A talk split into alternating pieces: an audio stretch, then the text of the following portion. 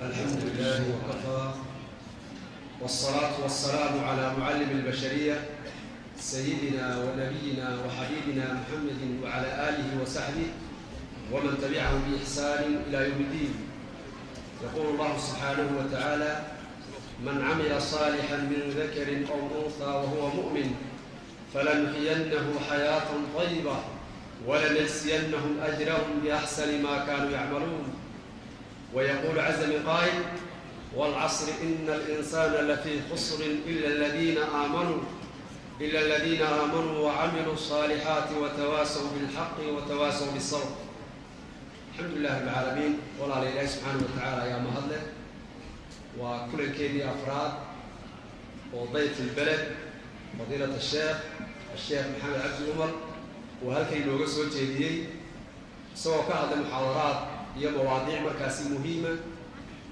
waxaynu daraysanayaa dhammaanteen culimmadu kaalinta ay ku leeyihiin bulshada wasanka ay ku leeyihiin umamka umamka way dhisaan way toosiyaan way hagaajiyaan. Wanaagay leeyihiin ummaduhu ayay culimmadu u sugaan xumahay markaa ka qabtaan.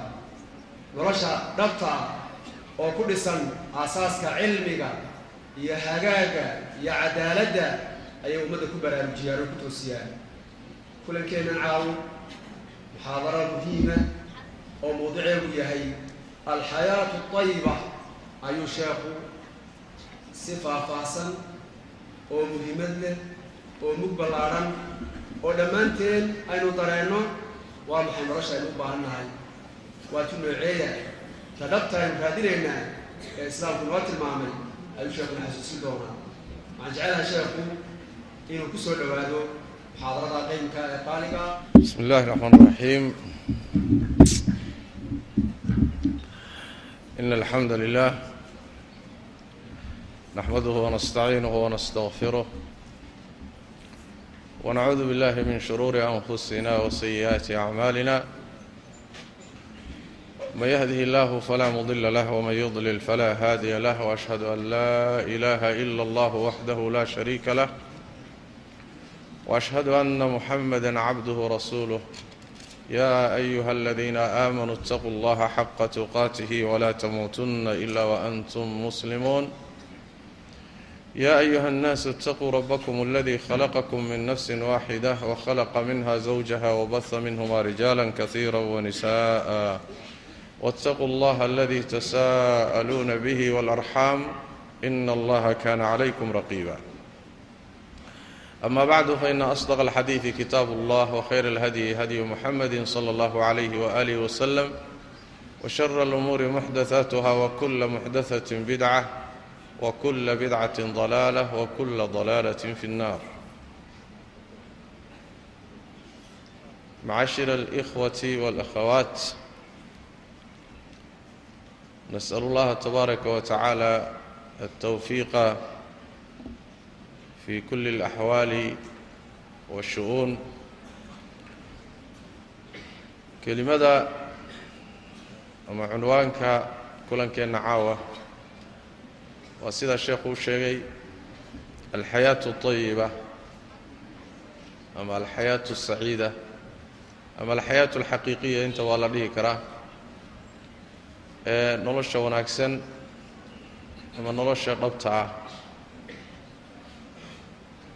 waa arrin u baahan in la ysu tilmaamo? Waxaan ka wadnaayoo ujeeddadu tahay nolosha uu ruuxu ku helahayo xasilloonnida iyo deganaanshaha iyo raaxada. Taasaa waxaa la yidhaahdaa alxayaatu tayiba sida qur-aankuba ka cabbiray aayaddii sheekhu inoo akhrinayay man camila صaalixا min dakari aw أnhى wahuwa muؤmin falanuxyiyannahu xayaaةa طayiba nolol wanaagsan iyo mid xun baa kala jirta nolol deganoo raaxa leh iyo nolol khariban oo murug iyo walbahaar iyo rafaad le baa kala jira mid walbana asbaabteeday leedahay. Nolosha wanaagsan ee deggan ee xasiloonnida leh waxaa la dhihi karaa waa matlabu ljamiic waa midda la wada raadinayo wey. Waa masca kulli axad. Hadaf iyo taargad iyo maqsuud ay cid walba inay hesho wey ay rabto jidadka loo marayaa kala duwan ruux walbana sida uu u rumaysan yahay inuu ku gaadhayo baa aadamuhu ku kala gedisan yihiin laakiin mid way ka midaysan yihiin in nolol deggan la gaadho oo nolol xasiloon oo raaxa leh inuu ruuxu helo. Kulli waa la wada raadinaya gaal iyo muslimba laakiin sida loo rumaysan yahay loo arko iyo jidka loo maraya xaqiijinteeda bay dadku ku kala gedisan yahin halkaasaa lagu kala tegay maalan haddaanan tusaalayaal ka bixinno dadka qaar ka mid a ayaa waxay moodaan oo maleeyeen in nolol deggan oo raaxa leh uu ruuxu helaayay inay ku jirto fii jamci ilmaal wuxuu ismoodsiiyey ama is male haddaad xoolo badan hesho oo aad hanti yeelato malaha raaxaad heli lahayd oo nolol degganoo xasiloon baad ku gaadhi lahayd. Oo markaasi cunto noocaad rabto cabbitaan noocaad rabto shahwadaada sidaad rabto u gudato guryo iyo deegaamo kuwa ugu fiican aad degto. Malaha intaa haddaad heli lahayd raaxaad heli lahayd. Dad bay halkaa ka gashay. Mise intii markii la helay wixii laga dhex raadinaya waa laga waayay. Rag baa ilaahay siiyey oo dad baa ilaahay siiyey intiiba. Saa markii la helay dhib iyo kadeed mooye raaxadii la raadinahaya waa laga waayay. Li'anna maalka iyo adduunyadu marka aad kasbayso ood shaqaynaysana waa dhib iyo rafaad. Markay ku soo gashana ilaalinteedii iyo waardiyeynteeda iyo xisaabinteeda iyo walwalkeeda baa iyadana kadeed iyo dhib ah. Ka darane ruuxu markuu ladan yaho xoogaa haysto wax ka cabsi badan. Dadka intooda kale waa ka fulaysayn tol goormaa laguu soo dhici goormaa lagu dili goormaa tegi rafaad baa haysta. Baashii adduunya ahayd marka ninkii hayay waa ku kadeedan yahay oo laguma nasanin lagumana xasilan lagumana raaxaysan. Halkaa dad bay ka gashay. Dadka qaar ka mida waxay u qaateen oy maleeyeen oo nolol wanaagsan iyo deganaansho ka raadiyeen. Waxa la yidhaahdo isticlaa'u lmanaasib malaha haddaad kursi ku fadhiisato oo dadka ka sara marto oo amarkaagu fulo oo aad jagag iyo milki iyo boqortooyo gaadho. Malaha markaasaad xasili lahayd oo degi lahaydoo halkaasay dadka qaarna ka gashay. Ishbaac shahwat اlmulk shahwada boqortooyada iyo kursiga inuu dherjiyo sidaas daraaddeed baa jid kasta wuxuu u marayaa oo meel walba u gelaya siduu kursi ugu fadhiisan lahaa. Ama madax u noqon lahaa ama wasiir u noqon lahaa ama uun yacni jago u qaban lahaa. Wuxuu is leeyahay markaa waxbaa ka maqan. Alele halkaa haddaad gaadho wax badan baa kuu xaqiiqoobi lahaayoo wax maanta kaa maqan baad gaadhi lahaydoo waad degi lahaydoo iyadana laguma gaadhin oo nebigeennu siduu ku tilmaamay sal alla alay wasalam awaluhaa nadaama wa aakhiruhaa malaama. Yacni bilowgeeduna waa kadeed iyo dhib aakhirkeeduna waa eed iyo waxaad unu tegiyo adoo eedaysana. Hadhowna ilaahay adoo eedaysan unbaad u tegi ilaa dadii hore ilahay u naxariista mooye. Sidaad u jaqayso u jaqaysoo naaskeeda u nuugayso maalinta aad ugu baahi badan tahay bay naaska kaa jaraysa waatii nebigu ku tilmaamay sal alla alay wasalam fa nicmat almurdica wa bi'sat alfaatima markaad nuugayso ood jaqayso oo aad waxoogaageeda haysato barwaaqa inaad ku jirta aad moodaysa. Laakiin maalinkaad ugu baahi badan tahay bay naaska kaa goynaysaa oo ku jaraysa. Marka halkaana dad bay ka gashay oo is yidhi male haddaad madax noqoto nololiba kuuma laabno waxaad raadinaysa waad gaadhi karta dadka qaar ka mida waxay ka gashay waxa la yidhaahdo naylu sha naylu shuhra walwajaah yacani magac haddaad yeelato oo lagu sheeg sheego oo adduunku ku barto haa oo joornaaladu ku qoraan oo telefishinada lagaa sheego oo aad caan baxdo halkaasay qaar ka gashay. Adugu waxaad doonto ku caanbax ama jin iyo shaydaannimo ku caanbax ama wanaag iyo khayr ku caanbax dad baa waxayba ka gashayba ha lagu barto. Waxay la tahay haddii la barto inay malaha uu wuxuu rabay gaadhayo.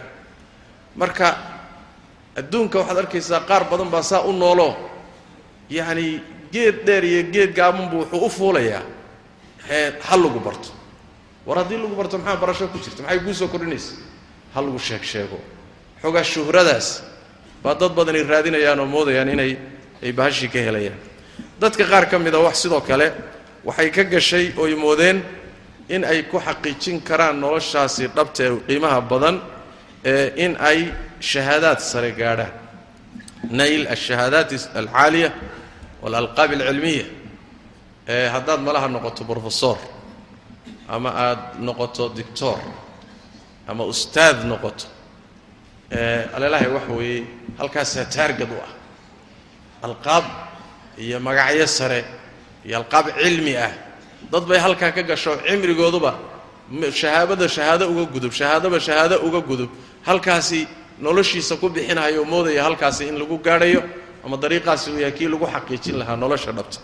Dadka qaar waxay ka gashay waxa loo yaqaano fi tasliyati nafsi bilmalaahi yacni in nafta lagu maaweeliyo waxyaalaha ciyaaraha ah wa tashghiiliha bilalcaab mubaarayaad iyo ciyaaro iyo muxuu ahaaye maaweelo iyo waxaasay ka gashay oo uu moodayaa inuu muxuu ahaaye wax ku gaadhayo oo uu yacani ama wuu ciyaarayaa ama wuu daawanayaa cimrigiisii iyo noloshiisii iyo caqligiisii ciyaar baa la geliyay ciyaartaasuu marka moodaya inuu wax ku gaadhayo afar saac iyaduu daba socdaayo iyaduu eryayaayo waa mashquulsan yahayoo waa iyaduu ku daahaya halkaana dad bay ka gashayoo moodaya inay halkaasi wax ku xaqiijin karaanoo nolol deggan lagu gaadhi karayo. Qaar ka mida waxay ka gashay noloshii wanaagsaneedee la raadinayay mukhadiraadka waxyaalaha maandooriyaha ee khamrada xashiishadda qaadka waxaasay ka gashay. Halkaasuu is yidhi malaha halkaasaad ku degi kartaa. Walwalkan iyo walbahaarkan iyo culayskan ku haysta. Siyaro dhaafi siyaro suuxi. Marka inta yartee waxoogaa uu yaro qaadiraysan yahay marqaansan yahay ama maqan yahay sarqaansan yahay intaasuu wax ka dhiganaya. Hadhow markuu sarqaanku ka baxana wax alla wixii culays jiray oo dhan baa isugu soo dega. Nin culimmada ka midoo ree yamaneeda baa wuxuu qoray risaaluu qoray. Risaaladaa marka wuxuu ku qoray qaadku ka qoray. Wuxuu leeyahy qaadka waan cuni jiray buuhi qaadka waan cuni jiray. Laakiin markaan ogaaday dhiibkiisa yaa waxaan ogaaday buuhi inaan xaaraan yahay waan tijaabiyey buuhi anaa cunay. Dhibaatooyinkiisa waxaa ka mida buuhi oo ugu bixisay inaan joojiyo. Markaad cunayso waxoogaa waxaad dareeyeysaa darab. Yacni wax weeyaan waxaan innaga u naqaano marqaanka ama qaadiroodka. Waad marqaami oo waad farxi oo waxaad is malaha magaaladan oo dhan aday kuu shaqaysaa. Waxa baabuur bannaanka taagtaagan oo dhan adaa iskale dadkan waa wada addoommadaadii sarahan dheerdheer adaa iskale xisaab khaldan iyo filim beenaa kuu daaran.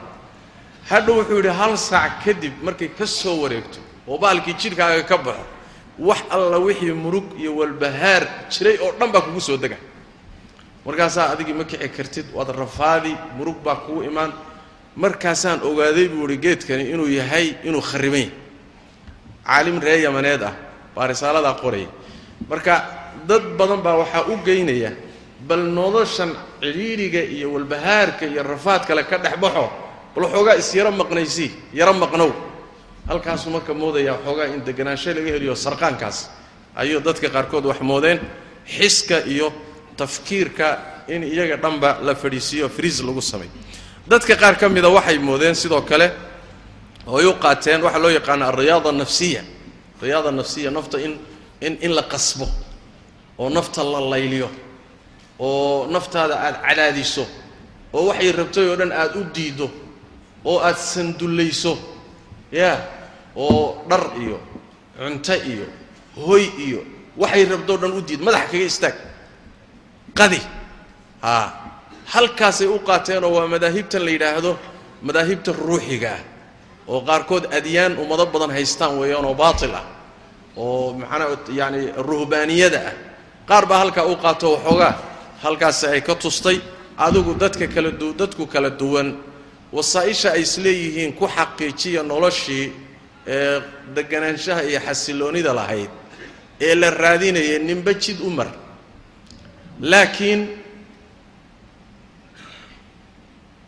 lama xaqiijinin. Adigu waa baadi la wada raadinayo laakiin ninba jid u maray. Ninba jid buu maray. Waase la wada doonaya su'aashu marka waxay tahay jidkeebaa saxsan oo lagu xaqiijin karaa nolosha dhabta ah nolosha wanaagsan. Inaad adduunkaagana nolol xasiloon oo raaxa leh oo deganaansho leh inaad noolaato. Aakhiradaadana markaad adduunkan dhaafto nolosha ku xigta middan waxaa la yidhahdaa xayaatulbarzakh baa la dhaha waa nolosha qabriga. Ayadana inaad tan ka raysato mooyo inaadan aadan ka xumaanin taa markaad ka tagto nolosha bacfiga iyo isa soo saarka iyo aakhare iyobaa iyadana jirto nolosha daa'imkaa taana inaad ka sii fiicnaato mooye inaadan ka xumaanin. Inaad kulli noloshaadoo dhan ay nolol fiican kuu noqoto. See lagu gaarhi karaa wey hal dariiq barsaa furan dariiq kale ma jiro. Waxaa kaloo dhan waa lugooyo wey taasaan doonaynaa marka inaan wax ka tilmaanno intaysaan intaynaansa gaadhin asbaabta lagu gaarhi karo. Waxaa laga maarmanaya inayno ogaanno aadamaha allaha abuuray tabaaraka wa tacala ibni aadamka wuxuu ka abuuray laba cunsur buu ka koobanayay cunsur alruux iyo cunsur aljasad walbadan. Cunsurka ruuxda ama nafta bini aadamka ku jirtaay waa qayb. Qaybta labaadna waa jidhka oo ka kooban haragga iyo hilibka iyo lafaha iyo seedaha iyo xididada iyo muxuu ahaaye murqaha kullu dalika jasad bay isku noqonaya waxaa dheer marka cunsur kale oo aada u caja badanoo samaawi ah ilaahay xaggiisa ka yimid tabaaraka wa tacala waa cunsuru ruux. Cunsurka isaga ah maahiyadiisi iyo xaqiiqadiisi iyo muxuu ka samaysan yahay wax badan lagama yaqaano ilaahay baa tabaaraka wa tacaala garanaya sida qur'aanka kariimkaa rabbi ku sheegay tabaaraka wa tacaala yas'aluunaka can اlruux qul iلruuxu min amri rabbii wamaa uutiitum min alcilmi ila qaliila. Nebi maxamedow ruuxday ku weydiinayaan waxaad tidhaahdaa ruuxdu waa amar alle.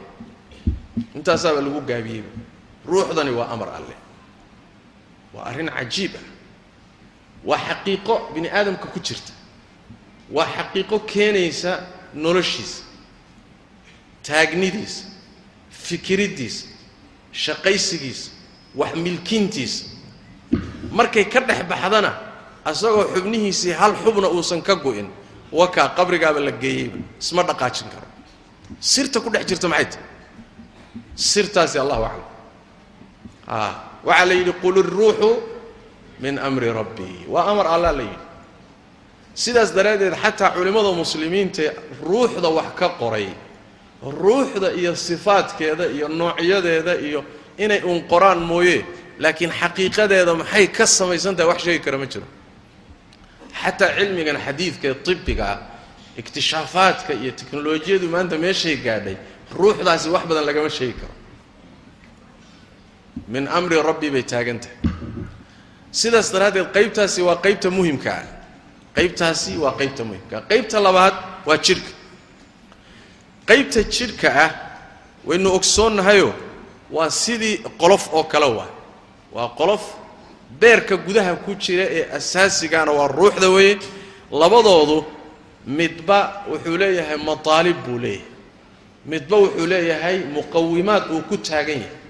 Jidhku muqawimaad buu leeyahay. Hadduu waayo uusan jirayn wuxuu u baahan yahay inuu cuno wuxuu u baahan yahay inuu wax cabo wuxuu u baahan yahay hoyguu geli lahaa wuxuu u baahan yahay asaasiyaad yacni daruuri ah oo uusan ka maarmin jidhku hadduu waayana waa tegaya wakadalika cunsurka labaad ee ruuxda ah isaguna wuxuu leeyahay asaasiyaad iyo daruuriyaad hadduusan helin uu dhimanayo.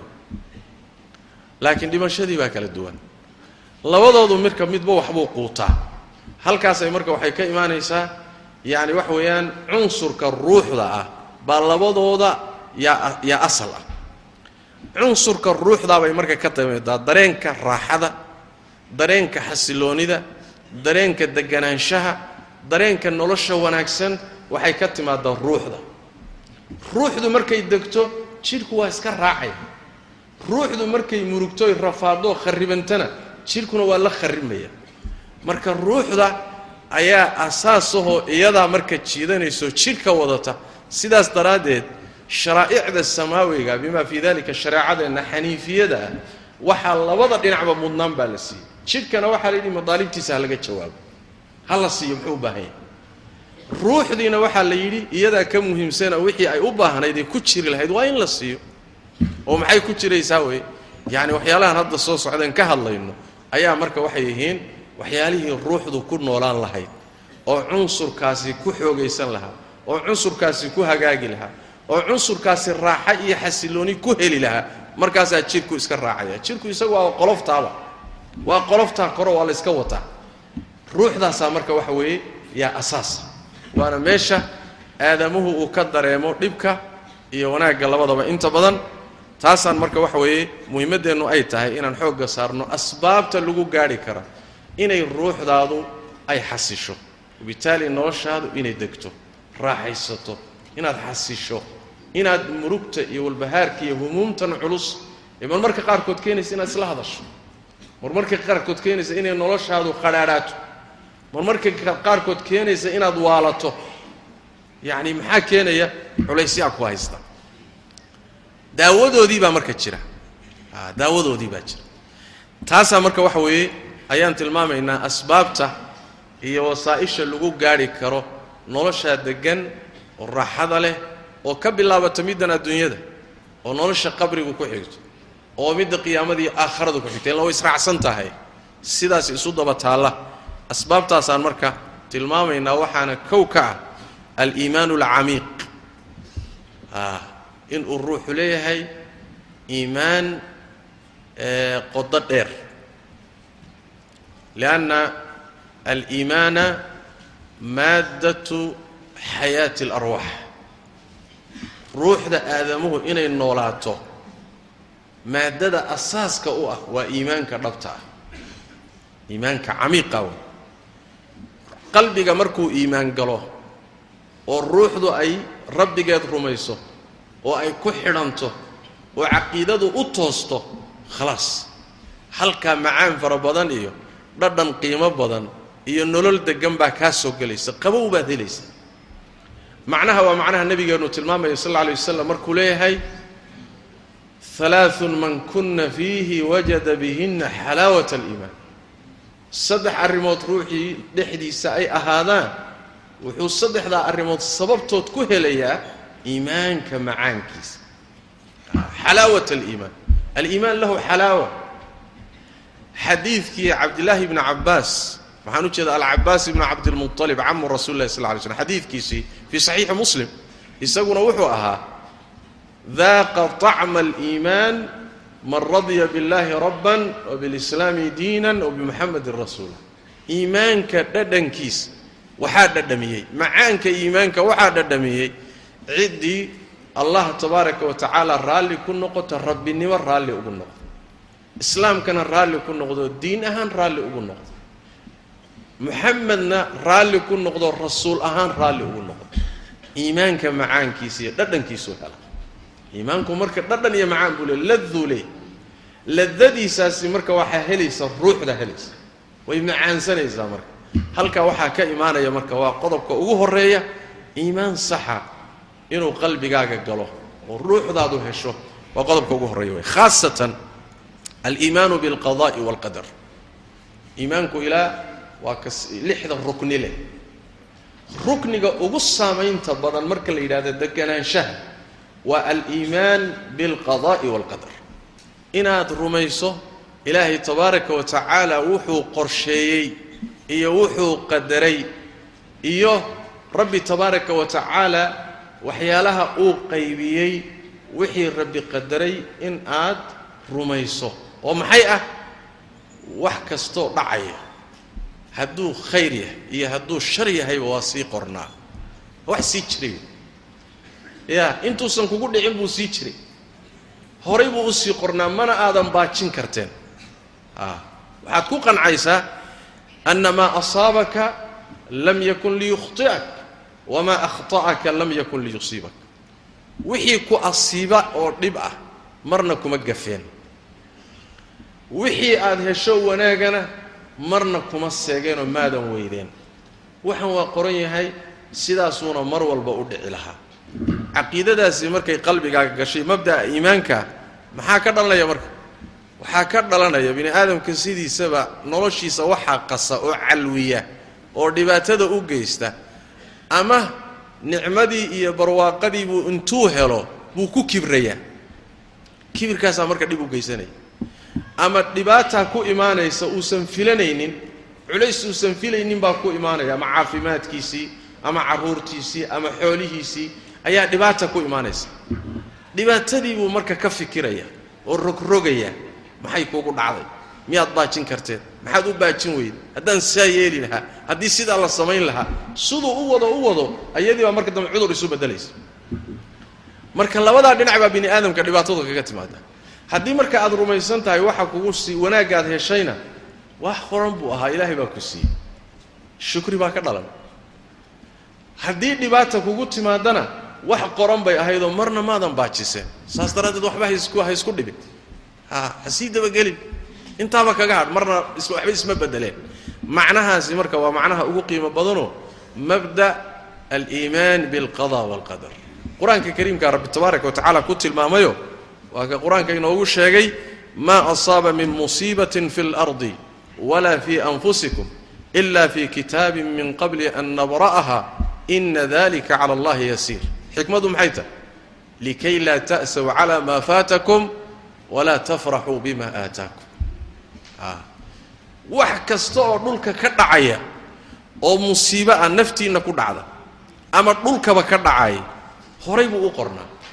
Intaynan dhicin intaan naftaba la abuurin ayuu waxaani sii qornaa bu alla yidhi tabaaraka wa tacala xikmadda ku jirta maxay tahay? Likay laa ta'saw calaa maa faatakum. Waxaad filaysay ood sugaysay ood rajaynaysay haddaad weydo inaadan u murgin inaadan israfaadinin ha walaa tafraxuu bima aataakum. Wuxuu alla idin siiyo wanaaga haddii aad heshana inaadan kibrin. Ilaan labadaa cudur baa bini aadamkaba dhammeeye nicmadii oo lagu kibro iyo yacni musiibadii oon lagu sabrin. Marka musiibadii waxaa lagu leeyahy kugu dhacday ilaahay baa keenay mana aada baajin karteen. Waxba markaa haysa sii dhibin. Wixii ilaahay ku siiyo wanaag ahaana ha ku kibrinoo ha ka badbadinoo ha isdhibine shukri. Cilaajku wakaa marka. Aayad kale waa kii rabbi ilaha tabaaraka wa tacaala maa asaaba min musiibatin ila biidni illah waman yu'min biاllahi yahdi qalbah musiiba dhacaysa oo dhulka dhexdiisa ku dhacaysaa ma jirto. Ilaa idin ilahay bay ku dhacaysa. Musiibadu markay dhacdana ilaahay dadka mu'miniinta qalbigooda iimaanku ku jiro ilaahay baa hanuuniya a ilaahay baa hanuuniya maxaa laga wadaa? Musiibadaa dhacday siday uga bixi lahaayeen iyo say u waajihi lahaayeen buu ilaahay qalbigooda waafajinayaayoo ku hanuunaya waa la tusaya. Tawfiiq rabbaaniya tabaaraka wa tacala ruuxaan iimaan lahayn maxaa dhacaya? Hadduusan iimaan lahayn musiibadaasuu ku wareeraya musiibadaas ayuu ku wareeraya. Oo markaasi waxaa dhacaya in uu dhibaata ka soo gaadho ee muxuu ahaayey uu garawsan waayo. Ilaahay tabaaraka wa tacaala nicmada uu siiyey. Ama dhibaatada ku dhacday siduu ula xaali lahaa uu garan waayo. Nabigeenna salawaatu rabbi wasalaamu calayh xadiidka suhayb fii saxiixi muslim ayaa rasuulku wuxuu leeyahy sal lla alay wasalam cajaban liamri lmu'mini ina amrahu kullahu lahu khayr. Yacni ruuxa mu'minka iimaanka saxda a leh arrintiisu cajab bay leedahay. Waa wax lala cajabo. Arrinkiisao dhan waa wada khayr. Noloshiisao dhan xaaladihiisao dhan waa wada khayr. Say khayr ku tahay wuxuu nebigu uri lay slam in asaabathu saraa shakara fakana khayran lah. Wain asaabathu daraa sabra fakana khayran lah. Laba mid baa bini aadamku ku jira. Noloshaada markaad u fiirsato laba xaaladood mid baad ku jirtaa xaalad farax leh wanaag. Nicmaad ku jirtaa barwaaqaad haysataa barwaaqa markuu haysto xaalad lagu farxa ay uu haystaay. Wuxuu yidhi wuu shukriyaa. Markaasay khayr u noqotaa. Ilaahay buu ku aqoonsadaa uga mahadceliyaa kuma kibro islama weynaado. Yacni ma khaldamo. Ya nicmadii kuma khaldamo. Shukri buu kaga baxaa. Markaasay khayr u noqotaa markay xaalad dhibaato leh ku timaado oo murug leh oo walbahaar leh oo dhibaato leh iyadana wuu ku sabraa. Markaasay khayr u noqotaa. Waa un labadaa midun soo maa ama xaalad dhibaato luu ku jiraa sabir buu maraya. Ama xaalad wanaag leh buu ku jiraayoo shukri buu kaga baxaya. Weligiiba waa sida. Labadamana khayr buu ka helay. Marka macnahaas nabigu tilmaamaya salawatu rabbi wasalaamu calayhi oo ruuxu marba hadduu iimaanku u saxan yahay hadduu dhibaata timaadana waa sabir haddii wanaag yimaadana waa shukri xaaladiisu waa kala deganta. Noloshiisuna waa iska deganta. Raaxiya deganaanshuuu leeyahy haddii iimaankiisu sii xoogaysto oo yaqiin uu sii gaadhana waaba ka sii fiican yahay. Mar walboo iimaankaagu sii xoogaysto raaxadu waa ka sii qiimo badanta waxaadan horay u dhadhamin jirin baad sii dhadhamin. Waxaa la yidhaahdaa markay musiibadu dhacda khaasatan bini aadamka wareerinaysa ee walbahaarka iyo kadeedkii rafaadka keenaysahay markay dhacdo adnaa maraatibiha oo muuminka waajibka ku ah waa sabirka. Oo inuusan khalad ku kicin adkaysto isceliyo. Waa martabatu sabri baa la yidhahda martabo kalaa ka fiican. Oo ah martabatu ridaa waxaan ilaahay kuu keena inaad raalliba ku noqotaba ya culisba kuma haysta raalli baad ku tahay carruurtii baa ku dhaaftay raalli baa tahay xoolihii baa ku dhaafay raalli baa tahay ya caafimaadkii baa ku dhaafay raalli baa tahay akhyaartii axibadii baa kaa dhimatay raalli baa tahay a martabatu ridaa sabirka way ka sii fiicanta martaba iyadana ka sii fiican oo la yidhahdo martabatu shukri baa la dhahaa. Musiibadii baabaad ka mahad celinaysaaba ya war carruurtii dhammaantay hal kama hadhin alxamdu lilah ya war kansar baa lagaa helay alxamdu lilah ya gurigaagii dun oo aafaa ku dhacday alxamdu lilah islaantii dhimatay alxamdu lilah xaalkiisu waa un alxamdu lilah ya waa martabada ugu sarraysa waay waa martabada ilaahay tabaaraka wa tacaala dad khaasuu siiyaa waxaana keena iimaankaa kala sarreeya. Iimaankaa kala sarreeya oo kala qiimo badan. Kolba iimaankaagu qadarkuu dhan yahay ayaa musaa'ibta la tacaamulkooda ayuu gaadhayaa. Aad ula tacaamulaysa macnaha oo waxay culimmadu yidhahdaan inta badan asbaab baa keento. Musiibadu inaad ka shukrido. Waxaa keenaya markaad dhinacyo badan ka fahantood fiqhi u yeelato. Iyada nafteedaa shukri ka imaanaya shukri ka dhalanaya. Oo markaad maalan musiibada fahanto. Musiibada markay kugu dhacayso dhinac markaad ka fiiriso dembi aad gashay bay ku timid. Soo ma? Dembi aad gashay bay ku timid. Markaad u fiirsato musiibadan kugu dhacday cuquubo wey cuquubadan maxay ka dhalatay? Dembi aad gashay. Cuquubadan haddii aakharo lagugu dibdhigo iyo haddii maanta lagaa gooyo kee kuu ron ya kollayba haddii lagu cuquubayn lahaa oo lagu ciqaabi lahaa ma in aakharo laguu dibdhigo cadaab lagu geliyaa kuu ron mise maanta waxoogaa in lagu yaro qandhuufto kee ron alelahay maanta hallay qandhuufto soo ma? Leanna musiibo adduuniya mid aakhara cuquubo addunya mid aakhara isuma dhigmaan waxaad leedahay marka allihii aan aakhare ila suginay adduunka iisoo hormariyeyo alxamdu lilah yaa soo shukri maa shukri baa ka dhala. Dhinac kale markaad ka fiiriso musiibo ruux mimina ku dhacaysa ma jirto ilaa ama dembi dhaaf bay keenaysaa ama darajaa kor loogu qaadaya. Dhankaa markaad ka fiirisa midhaha ka dhalanayana waa alxamdu lilah soo ma? Dhinac kale markaad ka fiirisana oo ah musiibadaada masaa'ibta kaleoo dad kale haysata markaad garab dhigto alelahay taadaa fudud. Xoogaa waxaad yaro sheeganaysaa qadadaa kuu googoynaysa laakiin saddexda boqoloo ay u goynaysaa jirta. Soo ma? Waad yaro jiran tahay laakiin lixdaadii lixaad baad qabtaa. Qaar yaani waxa weye lixdii lixaadna la haddana jirada kula qabaa jira. Soo ma? Marka musiibo kasta dad kaa sii daran baa jira. Markaad aragto dadkaa kaa sii daran waxaad leedahay alalahay taydaa la dhaqaanta taydaa la qaataa waa fardugol carar alxamdu lilah soo ma marka fiqi bay u baahan tahay markaad fahanto masaa'ibtani iyo waxa ka dhalanaya iyo maslaxada ku jirtaay markaa waxay isu bedelaysaa inaad kaba shukridaba sidaas daraaddeed waxaa maxaa keenaya? Iimaankaa keenaya. Waa musiibada marka aadan iimaanka lahayn dadku la waalanayaan stressku ku dhacayo isla hadlayaan qalaqu ku dhacayo waalanayaan ama isdilayaan. Ama ruuxiga isdilaysa isqaarij adduunyadan culayskeeda ma joogi kartid sababtu maxay tahay? Waxaa ka maqan cunsurkaasaa ka maqan. Cunsurka iimaanka ah ayaa ka maqan. Raaxaduu marka keenaya isagaa asal ah. Taa waa qodobka koobaad sidaas daraaddeed baa nabigeenna salawaatu rabbi wasalaamu caleyh waa ka xadiidka saxiixa ku dhahaya. Xadiidka fii saxiixi muslim wain asaabaka shayun falaa taqul low annii facaltu kada. Kana kada wakada walakin qul qadara allahu wama shaءa facal faina low taftaxu camala shayطan buu nabig sal lay waslam hadday musiiba kugu dhacdo ha dhihin haddaan saa yeeli lahaa sidaas ma noqoteen. Haddaana saa yeeleen saabay noqon lahayd. Haddi maxaa yeelay lowdan low aan saa yeeli lahaa low aan saa yeeli lahay low markuu dhaawacmay markaa ambalastu taagnaan lahayd lala ordi lahaa. Waa la badbaadin kari lahaa. War lama badbaadiyen ya lama badbaadiye low low lowdani nebigu wuxuu yidhi irid shaydaan baa idinku furaysaa waxna kama bedeli kartid wixii dhacay. Laakiin aday ku kadeedaysaa adigoon bay dhib kugu furaysaa. Saas daraaddeed beddelkeeda markay wax dhacaan qadara allahu wamaa shaaa facal kaga baxa. Ilaahay baa qadaray lamana bedeli kareen. Ilaahayna dee wuxuu rabuu sameeyaa. Intaa kaga baxo inna lilaahi wa inna ilayhi raajicuun.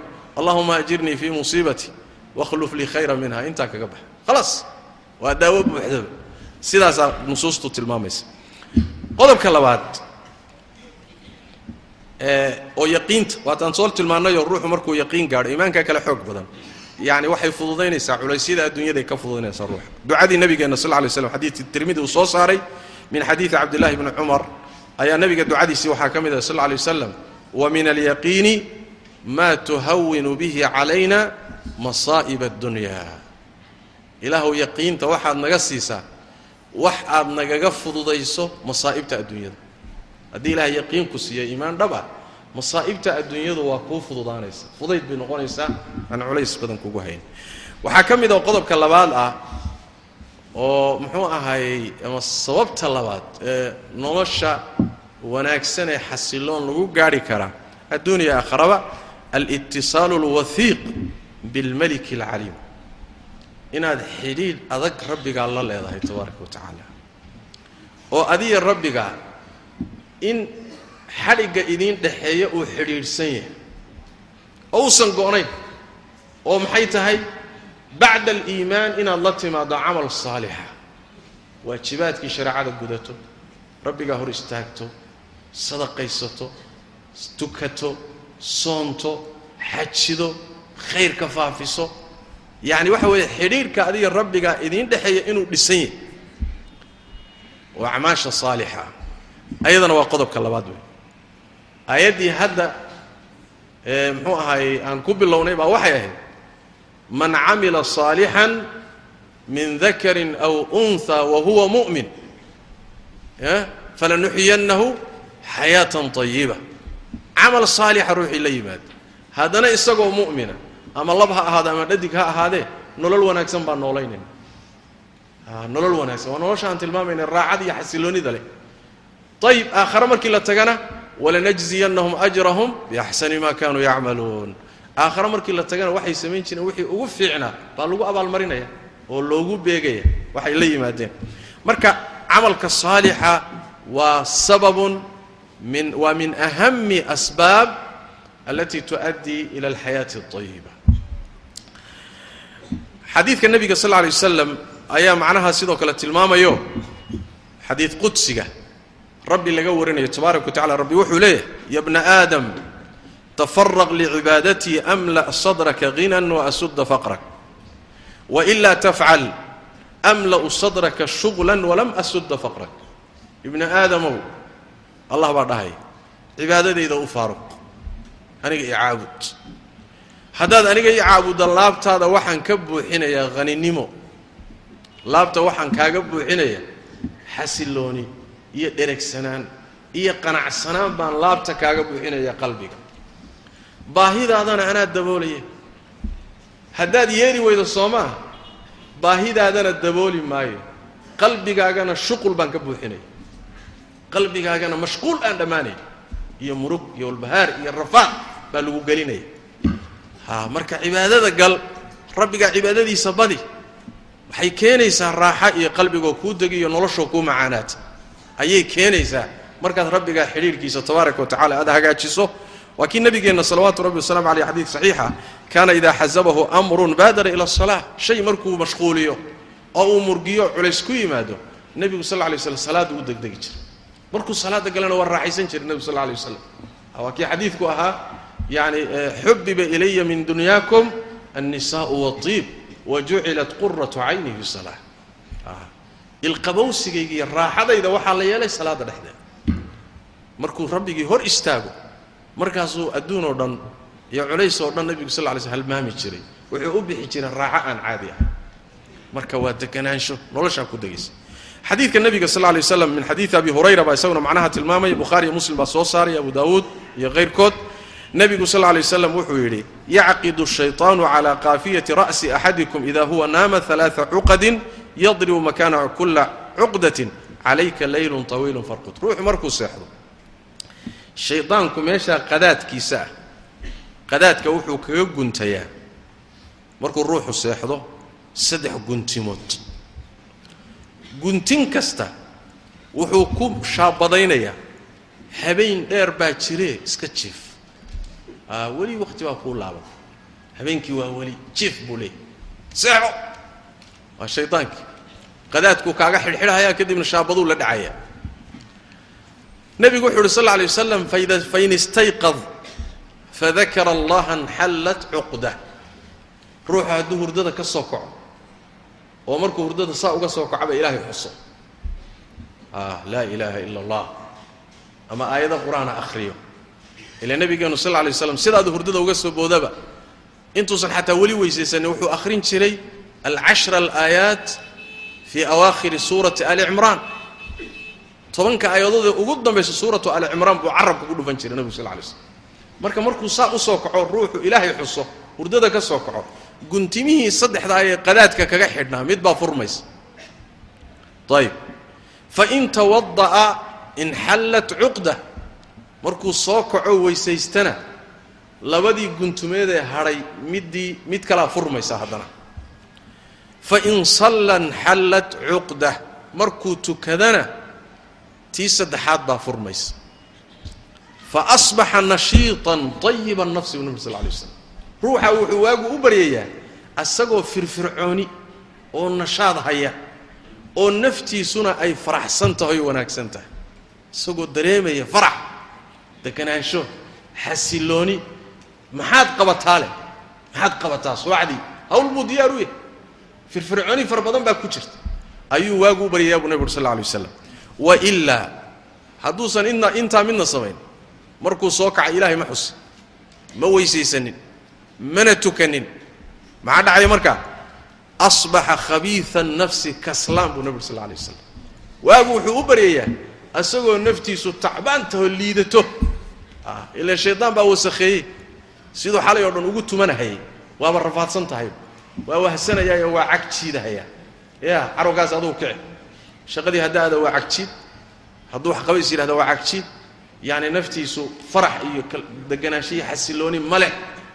Maxaa keenay marka inuu ruuxu waagu u baryo isagoo aad u faraxsanoo yani waxa weeye marqaansanoo ruuxu yani waxaa keenaya leanna guntimihii shaydaanku ku xidhay baa kulli ka wada furmay. Maxaa furay ilahay daacadiisaa furtay soo marti dikriga iyo weysada iyo salaaddaa kulli wada furay. Kadibna maxay dhalisay? Waxay dhalisay naf dayiba ah nolol macaan iyo qalbi dareemahaya deganaanshiya raaxa dareemahaya taana waxay tilmaamaysaa in aad ilaahay taacadiisa tabaaraka wa tacaala badsatood ku dadaasho waxay keentaa inay noloshu kuu macaanaato. Qodobka saddexaad ee keena waxaa ka mid ah alfahmu daqiiq inaad noloshan fahanto haayada lagu abuuray iyo ilaahay tabaaraka wa tacaala khalqigiisan iyo waxyaalaha dhacaya ujeeddadu ka leeyahy markaad aqoon u yeelatood fahanto khaasatan waxa la yidhaahdo loo yaqaano yacni sunnat alibtilaa waalikhtibaar ilaahay tabaaraka wa tacaala wuxuu leeyahay qaanuun guud oo ah waxyaalaha dhacaya laydinku samaynayo dhammaan waa imtixaan. Waa tijaabo. Ya. Macnaheedu waxa weeye ka la qadiye haddii lagu qadiyeyna oo waxaad rabtay aada weydayna ma aha in lagu nacay. Haddii waxaad rabtay oo dhan lagu siiyeyna macnaheedu maa in lagu jeclaaday. Ya dad baa moodi. Markii ruuxa waxoogaa ay ku arkaan adduunye ah baa waxay leeyihiin walle hebel waa la doortay warkan maxaa la jeceliya a mid yaro rafaadsanoo diiftu ka muuqato iska kadeedan markay arkaan arkan ilaahiisii baa nacay bay leeyihiin ya ilaahiisii baa nacay war nacayb iyo jacayl mas'aladu meehee kulli waa ibtilaa kulli waa ikhtibaar. Allihii addoommadan abuurtay baa kanna ku fiirinaya. Kanna wuu ku fiirinaya. Ya kanna waa ku fiir. Isagoo ilaahay xoogogaalah oo wax ka qorsoon uusan jirin. Haddaad marka saa u fahanto adduunyadu waa wada imtixaan imtixaanka lagu jirana natiijadiisa. Ila imtixaan markii la galo soo natiijayna soo baxda soo ma? Natiijadana waa in abaalguda yeelato shahaadaad la qaybiyo. Natiijadiiyo shahaadaduna maalin kalaa la qaybin doonaa laakiin kulli waa laydin imtixaanaya macnaha haddaad fahantana wax badan baa kaa fududaanaya. Fahamkaas inaad sunnadaa kawnigaa fahanto.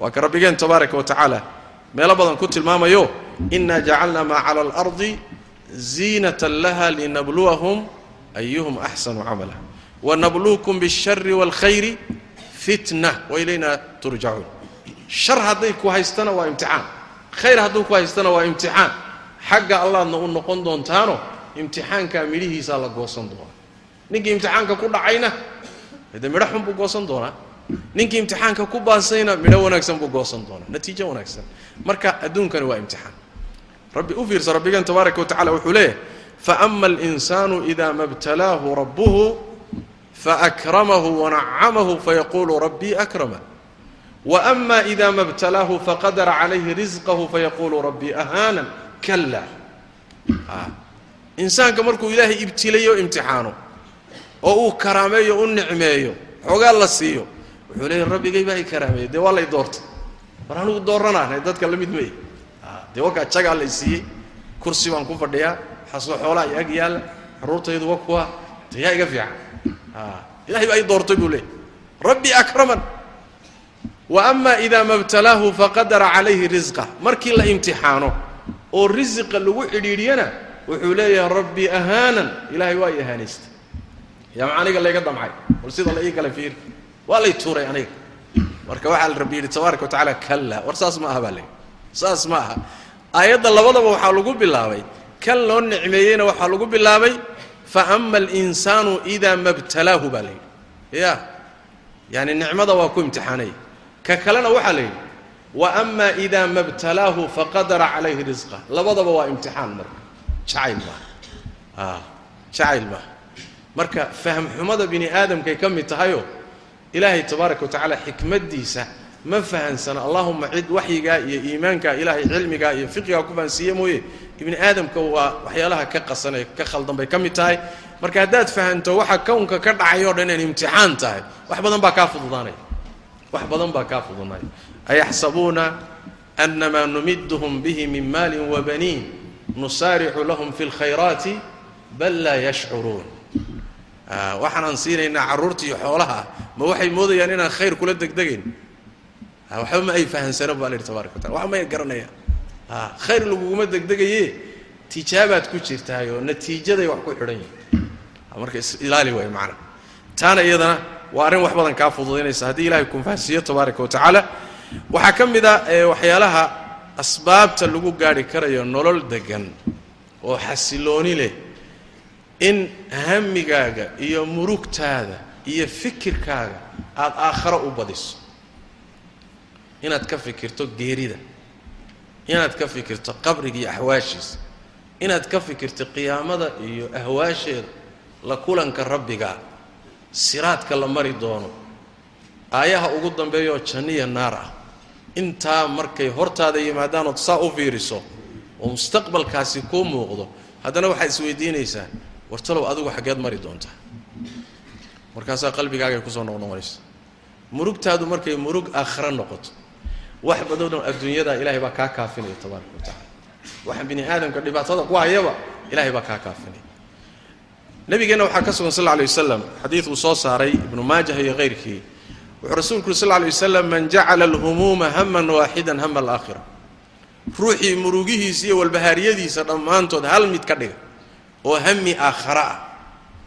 Wuxuu nebigu uri sal alay wasalam jamaca allahu lahu amrah wa jacala ghinaahu fii qalbih wa atathu اdunya wa hiya raaqima arrimihiisa horta ilaahay baa isugu uruuriya hawlihiisa waa la isugu toosiyaa kow ta labaad weeye qalbiga waxaa loo geliyaa deganaansho iyo hodantinimo iyo qanaaca qalbiga loo geliyaa ta saddexaad weeye wixii adduunka ilaahay uga qorayna ayadoo sanka ka tolanoo qasban baa loo keenaa yaa ilan sadkaaga waayi maysid ayadoo socota baa iridda looga soo geliya saddexdaasaa ilaahay siiya tabaaraka wa tacaala. Laakiin ruuxii humuumtu u qaybsato oo togoga adduunyada humuumtiisa ay la kala tagto wuxuu nebigu yuhi sal lla alay wasalam saddex arrimood baa isagana lagu cuquubeeya oo maxay yihiin? Shatata allahu calayhi amrah. Arrimihiisa ilahay baa ka kala daadiya. Xadhigguu xidhaba waa furmaa. Waxba isugu hagaagi waaye. Waa qodob qodobka labaadi waxa weye wajacala faqrahu bayna caynay baahida iyo faqrigana waxaa laga saaraa labada indhood dhexdooda. A maba dhargayaba mana qancayo. Wax kasta haddii la siiyo waa gaajaysan yahy oo waa oomanya oo waa rafaadsan yahy oo gaajaa u muuqata. A soomaalida waxay yidhahdaan gaajada inaad aragto iyo inay iyadu ku aragto kee daran? Ya gaajada inay inaad adigu aragtaa daran. Waxaa roon iyadu ha ku aragto. Ya. Haddaad adigu aragto meel kasta uun gaajo uun cabsi gaajo uun mudutaasha mudutuusha ad aragtaba alale gaajaa ku jirta ad leedahay. Waxaa roon inay iyadu ku aragto. Ma jacala marka wajacala faqrahu bayna caynayhi. Gaaja waxaa la gelinayaa iyo baahi aan dhammaad lahayn. Intaa waxaa u dheer walam ya'tihi min addunya ilaa maa kutiba lahu adduunyadan uu saa u noqdayna intii loo qoray waxaan ahayn ka heli maayo. Adugu ama cirka aad ama dhulka aad ama qub iyo qacle ama meeshaa doonta ka dhac wixii maalinkii ilaahay wax qorahayo qalinku wax qorayo lagu xariiqay wax ka badan heli maysa soo ma jeed marka hamigaaga haddaad hami aakhare ka dhigto oo murugtaadu aakhare u badato ilaahay baa arrimahaaga tabaaraka wa tacala isugu ka hagaajin qalbigana waa laguu dejin noloshu waa isugu ka hagaagaysa. Laakiin carwakaasi adduunyo eriyo ka salgaar laakiin nebigu sal lla alay wasalam low kaana libni aadama waadiyaani min dahab labtagaa haalian laba tog oo dahaba ibni aadamka haddii la siiyo mid saddexaad buu raadinaya. Ibni aadamka jawfkiisa waxaa buuxin karoo keliya ama afkiisa caradaa buuxisa. Si kale umaba dhargaya saas daraaddeed adduunka ninka ugu milyaneersan ugu xoolo badan baa ugu baahi badan. Waa lagu soo fiir. Aduu bal waxaad samaysa ilaahay baa tabaaraka wa tacaala wax qaybiya maanta haddaad ninka taajir ahoo laga yaabo inuu waddanka ugu xoolo badan yahay baa laga yaabaa inta aduu tagto baahi u sheegto. Inuu calaacalkiisa markaad maqasho isagaba aad u ducaysaba or ilah ka saartira ya hantidiisu meel la kala dhiga male. Markaasaa waxaad leedahay war miskiin baa niyo derbigan yaalle waxoogaaya markaasuu wuxuu leeyahay war waa naga badatay. Oo muxuu ahay waayahan waa la soo dhigtay. Wadadadii un iridda un bay taagan yihiin mushkilad un bay wadaan. Ha adeer waa ka baxsan laana. War balaayo allah kuuma ridee sidanaa tahay? Bal horta ducayso. Ya haddee ilaahay tabaaraka wa tacaala ma u jeedaa wadaad baa wuxuu yidhi nin wadaad nin oo ganacsado oo taajira. Baa masaakiintu meeshay wax ku og tahay bay soo aadaan marka waxaa la yidhi iriddiisa un bay ka dhammaan waayeen xafiiskiisa meeshuu tagaba way daba yaacaan. Maalintii buu qolo wadaaddaa u yeedhay. Casuumad buu u sameeyey wuxuu yidhi cuntadana cuna. Masaakiintana iiga duceeye. Masaakiintan inu ilahay iga qabto iiga duceeye. Wadaadadeeda raashiinna waa cuneen. Ya ee muxuu ahaay waxoogaana waa la siiyey way duceeyeen. Ilahu masaakiinta ka qabay dheh. Masaakiintii markii looga duceeyey ducadii ilaahay waa aqbalay. Laakiin see lagu aqbalay xoolihii baa la dhaafiyey. Marma fiirsa haddaba kaasi miskiin danbe ha soo ag istaago ma nin qaabana waxba haysanin baa wax loo soo raadsanaya marka bahashan adduunyadii sideedaba lagama salgaadho weligaa arki maysid ruux intuu soo afmeeray ku dhahaya anugu hadda waan dhergayo adduunyadii waan ka soo noqday maalinta ugu dambaysay uu sariirta saaran yahay qalbigiisa adduunya jecel baa ka buuxa waa kii xadiiskii bukhaari lahaa nebigu sal lla alay wasalam laa yazaalu qalbu lkabiiri shaaban fi tnatayn ruuxa da'da ah ee duqoobee sariirta ku urursaday. Qalbigiisu weli laba shay dhallinyaruu ku yahay. Maba ka duqoobo maxay yihiin? Xubu اdunyaa wa tuulu اlamal adduunye jacayl kama gaboobo. Yididiilo dheer iyo waad sii noolaan doontaana kama gaboobo. Labadaa bini aadam kama gaboobo. Marka lagama dhergo ma dhammaato. Laakiin maxaa lagu xakameeyaa? Waxaa lagu xakameeyaa. Hamigaaga hami aakhara ka dhig ya waxaan o dhan way iska dhammaan insha allahu tacala qodobka shanaad ama wasiilada iyo sababta shanaad ee nolosha degan lagu gaari karo waxa weeyaan in aad xidhiidh wanaagsan la yeelato qur'aanka kariimka. Fahamkiisa akhrintiisa barashadiisa ku dhaqankiisa qur'aanka kariimka ah waa hadalkii rabbigeen tabaaraka wa tacaala. Daawo quluubta uga fiican oo arwaaxda uga fiicanna ma jirto saas daraaddeed baa ilaahay waxyiga wuxuu ku sheegay oo ku magacaabay inuu ruux yahay. Wakadalika awxaynaa ilayka ruuxan min amrina baa ruuxan waa waxyigii. Waxaa la isweydiiyey waxyiga maxaa ruux loogu magacaabay? Liannahu yuxyi alarwaax. Ruuxdu dheefiyaa ruuxdu yani waxa way quudiyaa ruuxdu dejiyaa.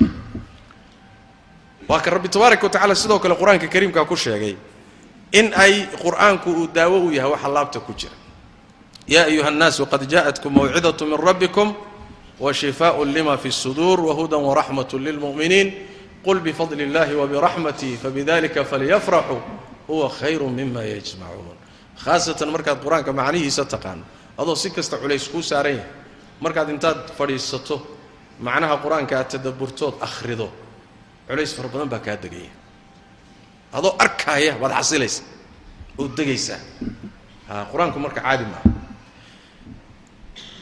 ata sidoo kale ilahay ku sheegay aladiina aamanuu wataطma'inu quluubuhum bidikri اllah alaa bidikri اllahi taطma'inu اlquluub quluubtu waxay ku xasisho waa ilahay dikrigiisa sideedaba qur-aanka kariimka marka dikri la iطlaaqo dikri waxaa u horeeya qur-aankaa u horeeya yani fahm waxaa jira khaldano yani dad badani ay u haystaan dikri waa wixii qur'aan ka baxsan. Subxaan allahi iyo alxamdu lilah iyo allahu akbar iyo laa xawla walaa quwa yaa dikri la dhahaa.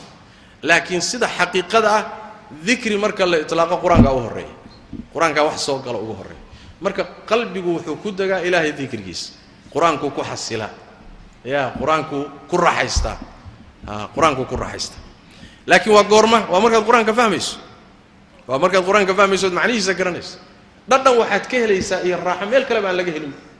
Kolba sida dadku ay u kala imaan wen yihiin ee qur'aanka tadabburkiisa iyo ay ugu kala fiican yihiin ayaa dareenka iyo raaxada qur'aanka aad ka helaysa xasiloonida iyo macaanidiisa saasay ugu kala fiican yihiin. Xadiid baa jira jaabir laga warinayo. Abu daawuud baa soo saaray bukhaarina wuxuu ku wariyey tacliiq buu ku wariyey waa xadiid xasan ah xadiidkaa wuxuu tilmaamayaa qiso cajo badan oo anugu markaan akhriyaba aan aad ula yaabo. Saamaynta uu qur'aanku ku leeyahay dadku marka ay fahmaan oy akhrinayaan iyagoo macnihiisa garanaya. Xadiidkaasi wuxuu leeyahay jaabir bnu cabdillaahi baa nabiga ka warinay sal lla alay slam wuxuu leeyahay rasuulkaan raacnay. Haddaan nahay saxaabadii. Duulaanka la yidhaahdo daaturiqaac duulaankaasaa nebiga u raacnay sal alay wasalam duulaankii markaan u raacnay fa asaaba rajulun imra'ata rajulin min almushrikiin. Nin saxaabadii ka mid a ayaa gaaladii lagu duulay. Nin ka mida xaaskiisii ayuu qabsaday oo ka soo he ka soo qaatay. Bimacnaa markii dagaal la galo dee dumarkiiyo lama laayo iyo dadka da'daa iyo carruurta iyo lama laayo. Laakiin waa la qafaashaa. Xukunkii yani shareecada marka haweentiisii baa laga soo kaxaystay inta gaaladii laga adkaaday ninkii gaalkaabaa marka wuxuu ku dhaartay faxalafa anlaa antahiya xataa uhriiqa daman fi asxaabi muxamedin sal lay slm maadaama xaaskaygiiba ay la tageen ballan waxaan ku galay oon dhaar ku maray in aanan joogin ilaa aan moxamed saxaabadiisa dhiig ka daadiyo. Taasuu dhaar ku maray. Ninkii markuu dhaarta maray oo nebigii saxaabadii soo noqdeen ayuu marka raad sal lay slam yuu raadkoodii soo qaaday. Wuu ka daba yimid raadkii siduu u hayay nebiguna u socdayo saxaabadu sal lay wasalam meel bay degeen. Meeshii markay degeen ayaa nebigu wuxu uhi sal lay wasalam man rajulun yakla'una? War caawa waa kuma ninkana waardiyeyn. Caawa yaa waardi noo qabanaya. Illa waa laisogaya dhulka cadow baa jooge waa in asbaabta la qaato soo ma? War caawa yaa waardi galaya buu nabig sal lay wasalam laba nin baa marka soo baxay oo isa soo saaray. Faintadaba rajulu min almuhaajiriin wa min alansaar. Hawshii waxaa u soo baxay nin reer ansaareed iyo nin reer muhaajiri ah ayaa u soo baxay. Markaasaa nebigu wuxu uhi sal lay waslam kuuna bifami shicbi. Meel gol ah bay markaa ciidanku degay. Gosha afkeeda halkaa ahaada buuri halkaa waardiga ka qabto.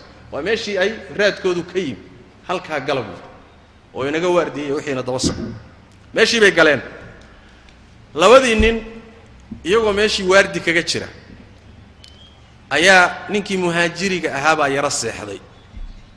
Ansaarigii baa marka waardi ku jira way isbedbedelayaan. Ansaarigii isagoo waardi ku dira ayuu malaa wuxuu isku qanciyay warniyo intaad caawa iska taagnaan lahayd maabaad salaad iska tukatid.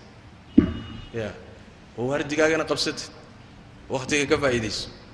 Salaad bu iska galay. Salaadda sunnadaa markaad ku jirto xaaladdaasoo kalena ay ku haysato. Way kuu bannaanta oo dhinacyahaad fiirfiirinoo hawshaadaad qabsan oo yacni waxa weeyaan labada hawlood baad isku wadi. Marka salaad buu ku jiraa waardigiina waa haya. Isagoo waardigii ah ninkii isaga ahaye gaalka ahaa ee naagtiisa laga soo kaxaystay ayaa intuu soo dhuuntay isagoo raad haya nabigii saxaabada sal lay waslam ayuu wuxuu arkay ninkan bidhaantiisa waa habeennimo mudutuul buu arkay markaasuu wuxuu fahmay ninkanu inuu waardi ku jiro oo ciidankii waardiynaya wuu ula soo dhowaaday meel agtiisaa intuu soo istaagay buu leeb ku dhuftay. Ramaahu bisahmin fawadacahu fiih. Leebkii buu ku dhufto wuu la helay. Ninkii saxaabiga ahaa leebkii markuu ku dhacay maba iswaaline salaadna waa ku jira. Mu iswaalin leebkii intuu iska siibay buu iska tuuray. Salaaddiisiina waa iska watay mid labaad buu haddana ku dhuftay. Kiina intuu iska siibay buu salaaddii iska watay. Mid saddexaad buu haddana ku dhuftay. Wuu iska siibay salaaddiis buu iska watay. Gaalkii wuxuu samayn karay sameeye waa lagu dareemay markuus yidhu iska carar. Ninkanna salaaddiisu intuu iska dhammaystay asagoo saddex meelood dhiiggu ka falaqlaynayo ayuu saaxiibkii kiciyey orwal kacbu. Se hadduu soo kacayba wuxuu arkay ninkii oo jidhkiisa saddex meelood dhiig ku socdo. Markaasuu wuxu uhi subxaana allah alaa anbahtanii awala maa rama. War maxaad ii toosin weyday markii ugu leebkii ugu horrey uu kugu soo tuuro oo kugu dhacay? Maxaa kugu dhacayood intaa aad isugu fiirsanaysood ii kicin weyd markaasaa wuxuu yidhi kuntu fii suuratin aqra'uha falaa uxibu an aqtacaha suurad baan akhrinayay buui aad iigu macaanayd suuraddaasaan diidanaa buuhi inaan iska gooyo. War u fiirsa war ninkan leebku ku dhacayo ee jidhkiisa dhiigku ka socdo ee nabarradu gaadhayaan ee intaa haddana uu muxuu ahay war waxaan uu ku naban yahay ku dheggan yahay laga fujin maxay tahay? Qur'aan baa u dhadhamaya uu akhrisanayaayo intaa uu iska kala goynayo uu diidaya. Ya macaankaa inagu ma gaadhni. Qur'aanka macaankaa miyaynu ka helay maya. Leesh leanna maash waxay ku xidhan tahay martabada iimaanka iyo qur'aanka kolba sidaad u dhuuxday ku xidhan tahay ya waxaa la yidhaahdaa ninkii la dhihi jiray curwat bnu zubayr ninkii taabiciga jaliilka ahaa. Baa lugta waxaa ka galay cudurka la yidhaahdo hula aakilada ayaa ka gashay. Markii lugta ka gashay kadib ayaa dhakhaatiirtii waxay kula taliyeen lugta waa in lagaa jaro. Haddii kale cudurkani waa faafaya marka dambe halis buu ku gelinaya waxaa la yidhi marka waa lagu suuxin kadibna lugtaa lagaa jaraya war hay suuxinina. Maxaan samayna salaad baan geliyay markaan salaada galo lugta jara oo ma salaad baa xanuun iyo lug la jarahaya adiga yani kaa fududaynaysa bimacnaa salaadda markuu galo qur'aan akhriska bilaabo dee caalam kaluu gelayaaba. Suuxintiiba waaba kaga kaaftoomaaba in la suuxiyo ma baahna. Soo ma jeeda macaankaasi marka xaggee ka imaanayaa wuxuu ka imaanayaa markaad qur'aanka fahansantood akhrinaysood xidhiirhkiisa aada la leedahay wanaagsan yahay waxaad u baxaysaa macaan iyo dhadhan meel kale aan ku jirin. Macnaha waxay tilmaamaysaa marka qur'aanku waxyaalaha wuxuu ka mid yahay nolosha macaaneeya waxaa ka mid ah oo sababta ama wasiilada lixaad ah ee ducada. Inaad badiso in ilaahay tabaaraka wa tacaala culayska kaa qaado oo noloshan kuu fududeeyo. Nabigeenna sal alla lay wasalam xadiidka cabdullahi ibn mascuud axmed iyo ibni xibbaan iyo xaakim baa soo saaray wuu saxiixinayaa xaakim ibni xajarna wuu taxsiininayaa. Sheekh albaanina sidoo kale wuxuu leeyahay nebigu sal alla lay wasalam man asaabahu hamun aw xusnun falyadcu bihadihi اlkalimaat ruuxii murug iyo walbahaar asiibo. Waxoogaa cidhiidh iyo culays gala ducadan ha ku kelimaadkan ha ku ducaysta buu nebigu sal lla lay oo maxay yihiin? Allahuma ana cabduk ibnu cabdik ibnu amatika naasiyatii biyadik maadin fiihi xukmuka cadlun fiihi qadaa'uk as'aluka bikulli ismin huwa lak. Samayta bihi nafsak ow anzaltahu fii kitaabik aw callamtahu axada min khalqik aw ista'harta bihi fii cilmi اlghaybi cindak an tajcala alqur'aana nuura sadrii wa rabiica qalbii wa jalaa'a xusnii wa dahaaba hamii haddiiba hami iyo murug iyo culays ku galo. Ducadan ku ducaysu nebi sal alay slam ilaahu addoonkaagiibaan ah addoonkaaga addoonkiisii baan ah addoontaada wiilkeedii baan. Ahay yacani addoonkaaga oo aabbihii buu ka wadaa. Addoonkaaga ilmihiisii baan. Ahay addoontaada ilmaheedii baana foodaydu gacantaaday ku jirtaa adaa imaamulaa laga wadaa. Xukumkaagaa igu fulaya. Wixii qada'a ee qadareed aad aad macnaha waxa weye igu qadarto cadaalad weeye. Imaadan dulmiyin marnaba. Magac kastood leedahay baan kugu weydiisanaya ood naftaada ku magacowda ama kitaabka dhexdiisa aad ku soo dejisay. Ama axad khalqigaaga ka mida aad bartay. Ama adiguba aad cilmiga qeybka kula gooni noqoto cidna aadan u sheegin. Ilaahay asmaadiisa waa fara badan tahay. Asmaadaasoo dhan baan ilaahu waxaan kugu weydiisanayaa inaad qur'aanka ka dhigto nuurkii laabtayda. Iyo rabiicii qalbigayga. Iyo midka tegsiiya murugtayda. Iyo midka hamigayga tegsiiya ilaahu ka dhig. Markaad saa ku ducaysato ilaahay qalbiga waa kuu dejinaya tabaaraka wa tacala wixii culaysku haystay o dhanna waa kaa fududaynaya marka ducada iyo iltijaaga ilaahay loo iyadana wax weeye wax badan baa yaa lagu helaa. Waxaa ka mid ah mar walba haddii dhibaato kasta ku haysato waa inaad qabto kalsooni ah inaynan daa'imaynin oy tegi doonto. Waa inaad raja'a qabto culays kastoo ku haysta murug kasta dhibaato kasta inayna daa'imi doonin. Haddaadu rajadaa qabtaay ayadana wax badan baa kaa fududaanaya oo muxuu ahaayey ruuxa muuminkaa dee rajadu kama go'do ma quusto. Laba cudur baa ugu daran waxyaalaha aadamaha ku dhaca. Cudur waa waxa la yidhaahdo almnu min makr illaah ilaahay dhagartiisa iyo cuquubadiisa inaad aamin ka noqoto isdhigato ha waxoogaa intaad ismahadiso ee aad aada khaldanto waa halis wey ha laa ya'manu min makr illaah ila alqawmu alkhaasiruun soo maaya a yaani dad khasaaray unbaa ilaahay makrigiisa aamin ka noqo taa waxay ku dhalataa ruux markuu ishalmaamo oo nolosha uu ku fogaado oo adduunyadu qaadato oo waxaa ka lumayo maskaxdiisu ay luminaysaa jaanibkii ahaa ilaahay tabaaraka wa tacaala xaalad kasta waa ku qaban karaa xilli kasta waa lagu qawmin karaa dhulkaa lagula goyn karaa musiibaa kugu habsan karta si lama filaana nafta lagaga qaadi karaa wixii oo dhan buu luminaya. Markaasuu ruuxu isdaad daad raacaya adduunyadaa qaadanaysa. Marka makriga ilahay buu aamin ka noqonaya. Waa cudur khatar ah. Cudurka labaadi waxa weeyaan waa cudurka alqunuud min raxmat illah inaad quusatood ilaahay naxariistiisa ka quusato. Ood isdhiibtood tidhaahdo wallahi dhibkani weligaaba ka bixi maysa. Ha ilaahay kaa saari maayo. Ayadana waa cudur khataroo waa quusad wey quusadkaana ha gaadhin waxaa la rabaa mar walba inaad tidhaahdo xaalad kastoo ku haysata. Inna maca alcusri yusran. Ya. Kurbo kastoo ku haysata faraj baa ka dambeeya. Culays kastana fudayd baa ka dambeeya. Ilaahay sunankiisuna waa ayaam wa duwal waa wareegaysaa wa tilka alayaamu nudaawiluhaa bayna annaas. Ilaahay inuu ummad weligeed iyo allaheed barwaaqo uun u daayana ma jirto ummad mar walba kadeedanayo ruux xilli walba uun kadeed loogu talagalayna ma jiro. Waa wareegaasoo kolba meel bay tegaysaa adiga marka inaad rumayso culays kastoo ku haystaa waa isbedeli doonaa wanaag baa ka dambayn doona.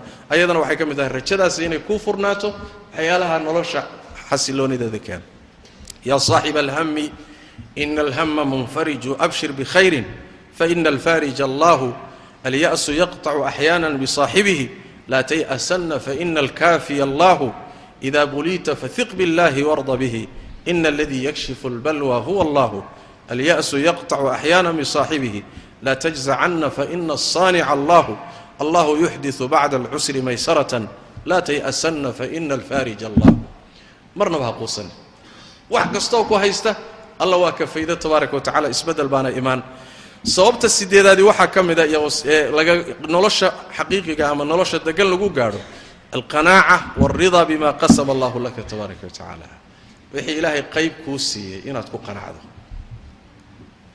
Wixii ilaahay qayb kuu siiyey oo noloshan adduunya ka mida raalli ku noqo ku qanac. Yaa iimaan ku qab. Wixii ilaahay uu kaa siiyey adduunyada wuxuu xoolo kaa siiyey. Hadday kugu yarta hadday kuu badan tahay. Wuxuu caafimaad kaa siiyey wuxuu carruurta kaa siiyey. Yaa wuxuu hanti kaa siiyey wuxuu qurux kaa siiyey wuxuu cilmi kaa siiyey wixii ilaahay ku siiyey ku qanac. Raalli ku noqo hasdhibin leanna adduunyadu sideedaba waa qanaacadaas. Marka nabigeena sal lla alay wasalam xadiidka saxiixa ku odhanaya qad aflaxa man aslam warusiqa kafaafan waqanacahu allahu bima ataah waxaa liibaanay cid islaamtay oo islaamnimo iimaan saxa ilaahay sii ta labaad weeyaane ilaahay uu ku irsaaqay kafaaf. Kafaafka waxaa la yidhahdaa waa wax kugu filan oon kaa badnayn. Baahidaada waa haysataa wixii daruuriyaada laakiin wax siyaadoo ku mashquuliyo aakhiradaada kaa mashquuliya maaha. Warusiqa kafaafan. Waa noloshii nebi moxamed sal lay slam iyo aalkiisa. Allahuma ajcal risqa aala muxamedin kafaafan. Waa kii nebigu sal lay ku ducaystay. Ilaahuw reeraha moxamed aalka waa reerihii nebiga sal lay wasalam waxaad ka dhigtaa kafaaf. Yacni wax deeqa laakiin aan ka badnayn. Intaana lagu irsaaqo kadibna maxaa saddexeeya? Islaamnimada. Wax yaroon kaa badnayn. Waxaa saddexeeya in ilaahay kugu qanciyo. Ood iimaan ku qabto. Ya waa kii xadiidkii bukhaari nebigu yuhi sal lla alay wasalam laysa alghinaa min kahrati alcarad haninimadu ma aha hanti badni ma aha xoolo badni ma aha adduunyo badni ma aha. Laakina alghinaa hina annafs ilaahay naftaada inuu geliyo qanacsanaan yaa qanacsanaad oo adduunyadaasi wixii ilaahay kaa siiyeyba aad raalli ku tahay. Iimaankaa ku qabtood ku xasiloonta taasaa lagaga baxaa. Haddaad taa weydo qanaaco weydo adduunka waxa yaalloo dhan haddii keligaa lagu wada siiyo ku deeqi maayaan. Laakiin waxaa kaa deeqoo kaaga filan in ilaahay qanaaco kugu irsaaqo tabaaraka wa tacaala. Ayadana waa qodob muhima waxaa qodob saddexaada qodob sagaalaad baan dhihi lahaa. Annadaru ilaa man duunak laa man fawqak.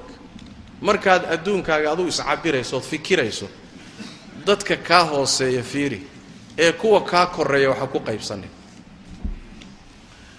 mar kasta oo naftu been kuu sheegto oo ku tidhahdo waad qatan tahay kuwa kaa daran baa jire kuwaa wax ku qaybsan.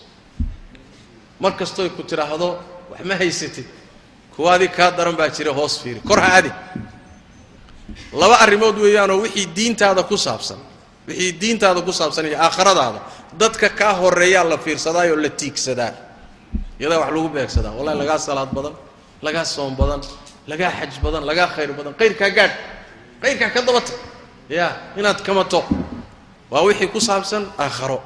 Laakiin wixii adduunyo ku saabsan waxaa wax lagu beegtaa oo halbeeg laga dhigtaa dadka kaa hooseeya waa kii nebigu uri sal lla lay waslam xadiidka bukhaari iyo muslim ay soo saareen unduruu ila man huwa asfala minkum walaa tanduruu ila man huwa fawqakum fainahu ajdar anlaa tas'aruu nicmat allahi calaykum fiiriya kuwa idinka hooseeya. Ee ha fiirinina kuwa idinka koreeya taasaa waxay xaqiiqo tahay inaydaan nicmada rabbin yasin oydaan xaqirin. Nicmada rabbiga inay kuu muuqato oo qiimaheeda aad garato ood ictiraafto waxaa keenaya inaad dadka kaa hooseeya fiiriso. Mar walba. Markaasi waad shukrin oo maqaamkaad joogta inuu fiican yahay baad garan oo wax fara badan ilaahay inuu kaa caafiyey baad garan oo wax wana badan oo wanaagsan inuu ku siiyey baad garan haddaadse mar walba kuwa kaa korreeya aad fiirsatid mar walba qolaa kaasii korraysa dad saluug baa ku gelaya saluug inaad saluugto wix ilahay ku siiy soo maali markaad gaadho hebel gaadh haddaad tidhaa yaa war ninka ninkii lixaad baan waddanka ah ninkii lixaad ee ugu xoolo badan waddanka. Horta waxaad leedahay balka shanaad gaadh. Kii shanaad gaadhay haddana ka afraad qabo. Qabate. Haddana ma qancisida ka ka ka saddexaad qabo ilaa marka dambe aad tirahdo ka ugu sarreeya qabo waddankan markaad ka gudubtaa waxaad leedahay haddana tujaarta africa ugu xoolaha badan kuwa haddana gal tartankooda gal. Africaad ka gudubtay markaasa waxad leedahay haddana adduunka kuwa ugu taajirsan haddana tartankooda gal. Maxaa arkay nin sacuudiyaano waa dhoweydo adduunka yaa ugu dhaq xoolo badan baa waxaa laga soo qoray riboort laga soo qoray. Nin sacuudiyaanaho marka qoladaa meelaha ku tartanta ka mid baa waxaa loo soo qoray waa ninka shanaad ee adduunka markaasuu dagaalamaya wuxuu leeyahy maxaa ninka shanaad la iiga dhiga aniga? Ya ninka labaad ama saddexaad baan ahay maxaa ninka shanaad la iga dhigay? Buu ku dagaalamaya. Marka yacni waxaan ka wadnaa war kor ha u xisaabtamine hoos fiiri. Kuwa derbiyada jiifa fiiri hoy male oo waxay cunaan ma haystaan oo qashinkay cunaan oo qashinkay degan yihiin. Sida ilaahay adiga kuu abuuray buu u abuuray. Soo ma artaan waa addoommo ilaah. Sidaad addoon ilaahay u tahay maxaa halkaa laguu dhigay? Adigana halkaa laguu geeyey halkaa iyaga maxaa loo dhigay? Adigana halkaa laguu geeyey soo ilaahay ma awoodi karin inuu derbi jiif kaa dhigo? Ya soo ma awoodi karin. Kuwa marka intaad fiiriso waxaad tidhahdaa alxamdu lilah qalbigaga kuu qabobaya marka. Laakiin intaad tartan rag kula jirtood adduunyo kor u sii laacayso waad kadeedanta a mana soo afjari karaysaan tilmaanay marka hoos fiiri. A waxay keenaysaa inay nolosha ku degto insha allahu tacala waxaa ka mid ah oo sidoo kaleeto muxuu ahaayey ka mida waxyaalaha keena alixsaan ila alkhalq. Ilaahay makhluuqiisa inaad ixsaan u samayso. Qalbigaaga u xasadka iyo nacaybka inaad iska dayso. Leanna haddaad bini aadamka uun xasad iyo nacayb iyo adaa adaa gubanaya waxaadan waxba ka qaban karin baad la ku rafaadaysa.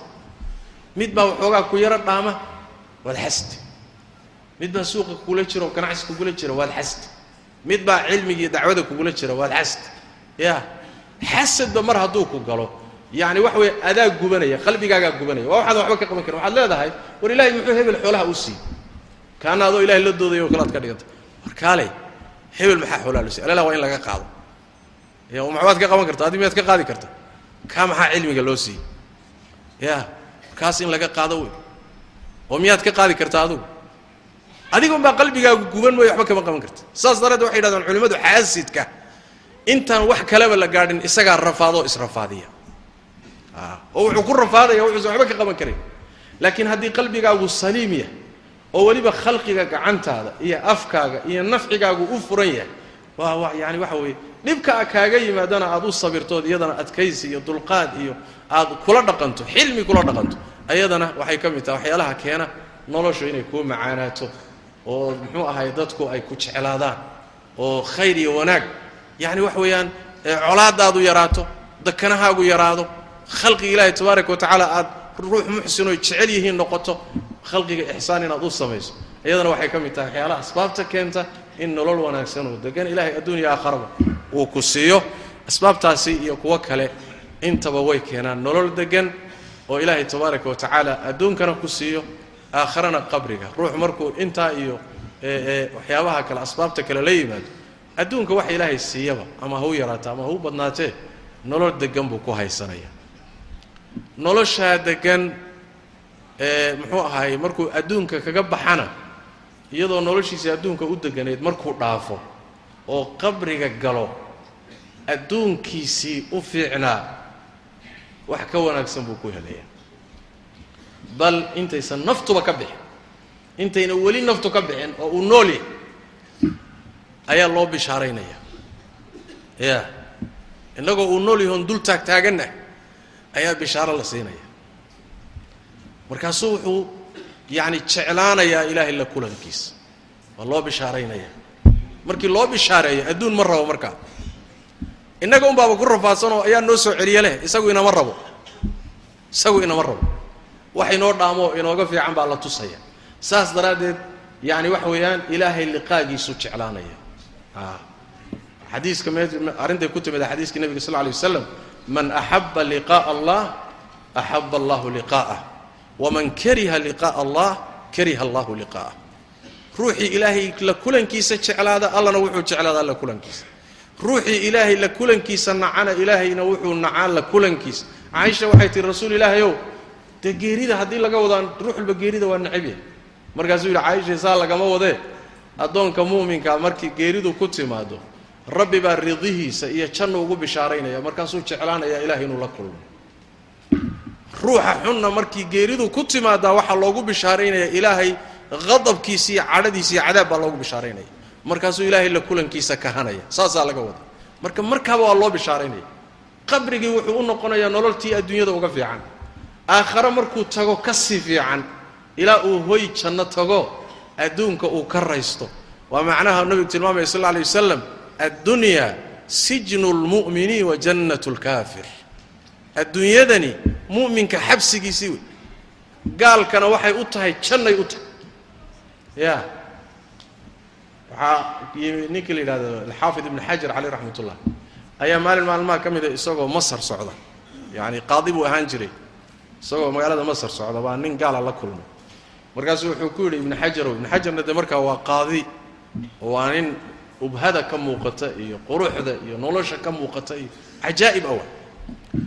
Gaal marka tacbaan ah oo naftu haysoo rafaadsan baa la kulmay markaasuu wuxuu yidhi ibnu xajarow nebigiinna wuxuu yidhi adduunyadani gaalkana waxay u tahay janno mu'minkana xabsi bay u tahay anugu hadda gaal baan ahay adiguna mu'min baata bal sidaad u taalliya sidaan u alla fiiri keennee baa xabsi ku jira keenneese janno ku jira. Markaasuu ibnu xajar wuxuu yidhi warsaa lagama wadee qallooc bay kuu gashaye marka la fiiriyo waxaan hadda aad ku sugan tahay dhibkan xaaladdan aad ku sugan tahay iyo waxa ku sugaya marka laysu fiiriyo haddaad janno ku jirtaa buuri anigana waxa ii soo socda iyo waxaan hadda ku jira marka laysu fiiriyo haddaan cadaab ku jiraa biyo sijin ya soo ma marka mu'minku xaalad kasta uu yahay adduunka sijni buu ku jiraa. Marka la fiiriyo waxa u soo socda ilaahay u diyaariyay tabaaraka wa tacaala. Saas daraaddeed markii adduunka laga tago axad inta adduunka uu ka tegay ilaahay janno iyo khayr siiyey oo adduunka inuu ku soo noqdo tamaninaya ma jiro ilaa hal mid mooye. Yuy hal baa dhihi doona ilahu yaa i ya waa mu'min gaalo kama hadlayno. Gaalada iyagu allow yaana celiya dhihi doonaa. Rabbi irjicuuni bay dhihi doonaa.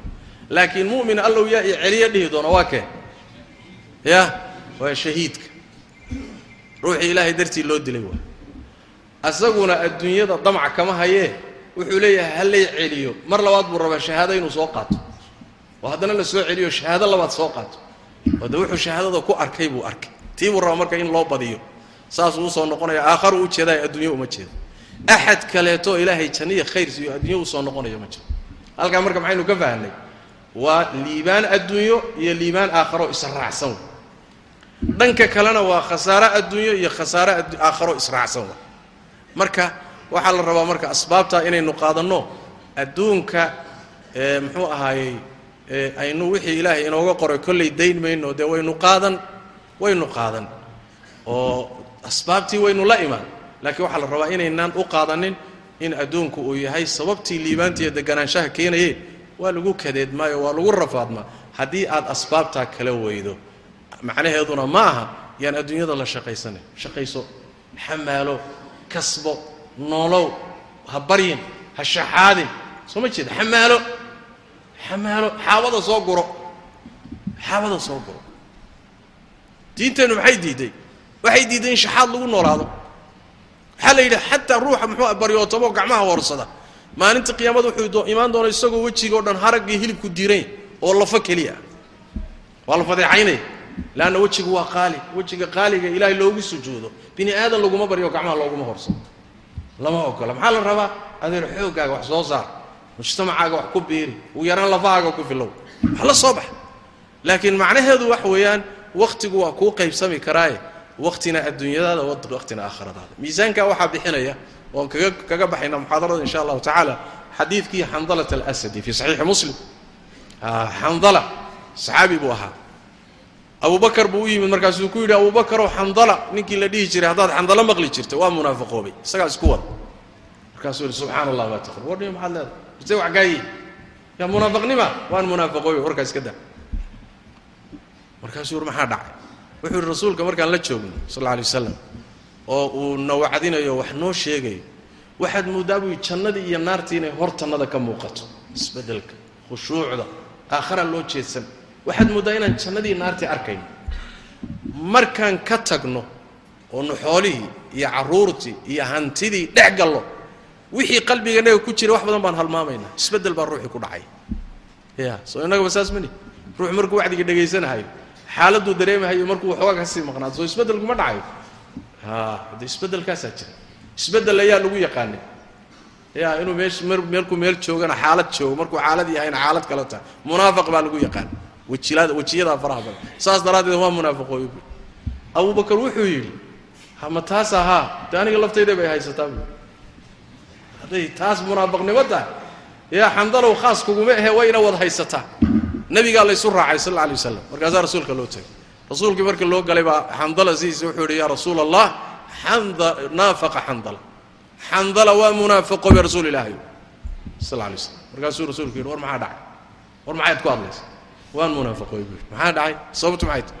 Wuxuu rasuul ilahi markaan kula joogno wacdinayso waxaad mooddaa jannadii iyo naartii kaana ra'ya cayn inay noo muuqataad mooddaa markaan kaa tagno caafasna alawsaa aswaaja waalawlaada waaldaycaat howlihii adduunyada markaan dhex galnana wax badan baan halmaamaynaa sidii hore ma nihin.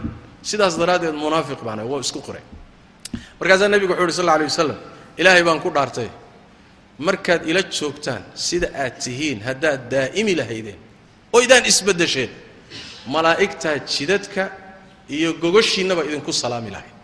Waaba laydinka canqaadin laanna markaa malaa'ig baad noqoteen soo ma cidaan isbedelaynin oo meesheedii joogaysa waa malaa'ig malaa'igtaabaa idin salaami lahayd buu nebigu sal lla alay waslam laakiin adduunyaad joogtaanoo waxaa la rabaa buu nebigu sal alay wasalam saaca wa saaca yaa xandala buu nebigu sal alay wasalam saaca wa saaca saacadna shaqadaadii adduunyada kasbo shaqayso xafiiskaaga dukaankaaga beertaada warshadaada xamaalkaaga wakhti wakhtiga labaadna aakhiradaada qabrigaaga qiyaamadaada jannadaada. Mustaqbalkaagii aakharo dhiso. Oo wakhtigu soo saa inooguma qaybsami karo. Oo weliba siyaada ka soo hadhi mayso. Siyaado la nastaa ka soo hadhi. Soo ma marka ruuxa khasaaraya aafoobay waa ruuxa wakhtigiisa lumiye saacatan wa saaca. Adduunkeennana wixii ilaahay nooga qoray aynu shaqaysanno oo aynu kasbanno. Jid xalaala. Aakhiradeenna iyo taas macaanka badaneen ka hadlayna nolosha macaanka badanna asbaabteeda insha allahu tacala aan ku dadaalno ilahay towfiiqda hayna waafajiyo ilaahay tabaaraka wa tacala waxaan weydiisanaynaa wanaag inuu nolosha inoogu khatimo. Noloshana rabbi tabaaraka wa iimaankii khayrka inoogu macaaneeyo hamiga iyo hamiga iyo dhibkana ilaahay tabaaraka wa inaga saaro. Khaatimo wanaagsanna ilahay inagu dilo. Labada daaroodna ilahay ina liibaano. Jannadiisa inay geeyo cadaabkana inaga xifdiyo. Hada billahi towfiiq wsala allahuma wslm wbaaraka cala nabiyina muxamed wcala aalihi wasaxbihi waslem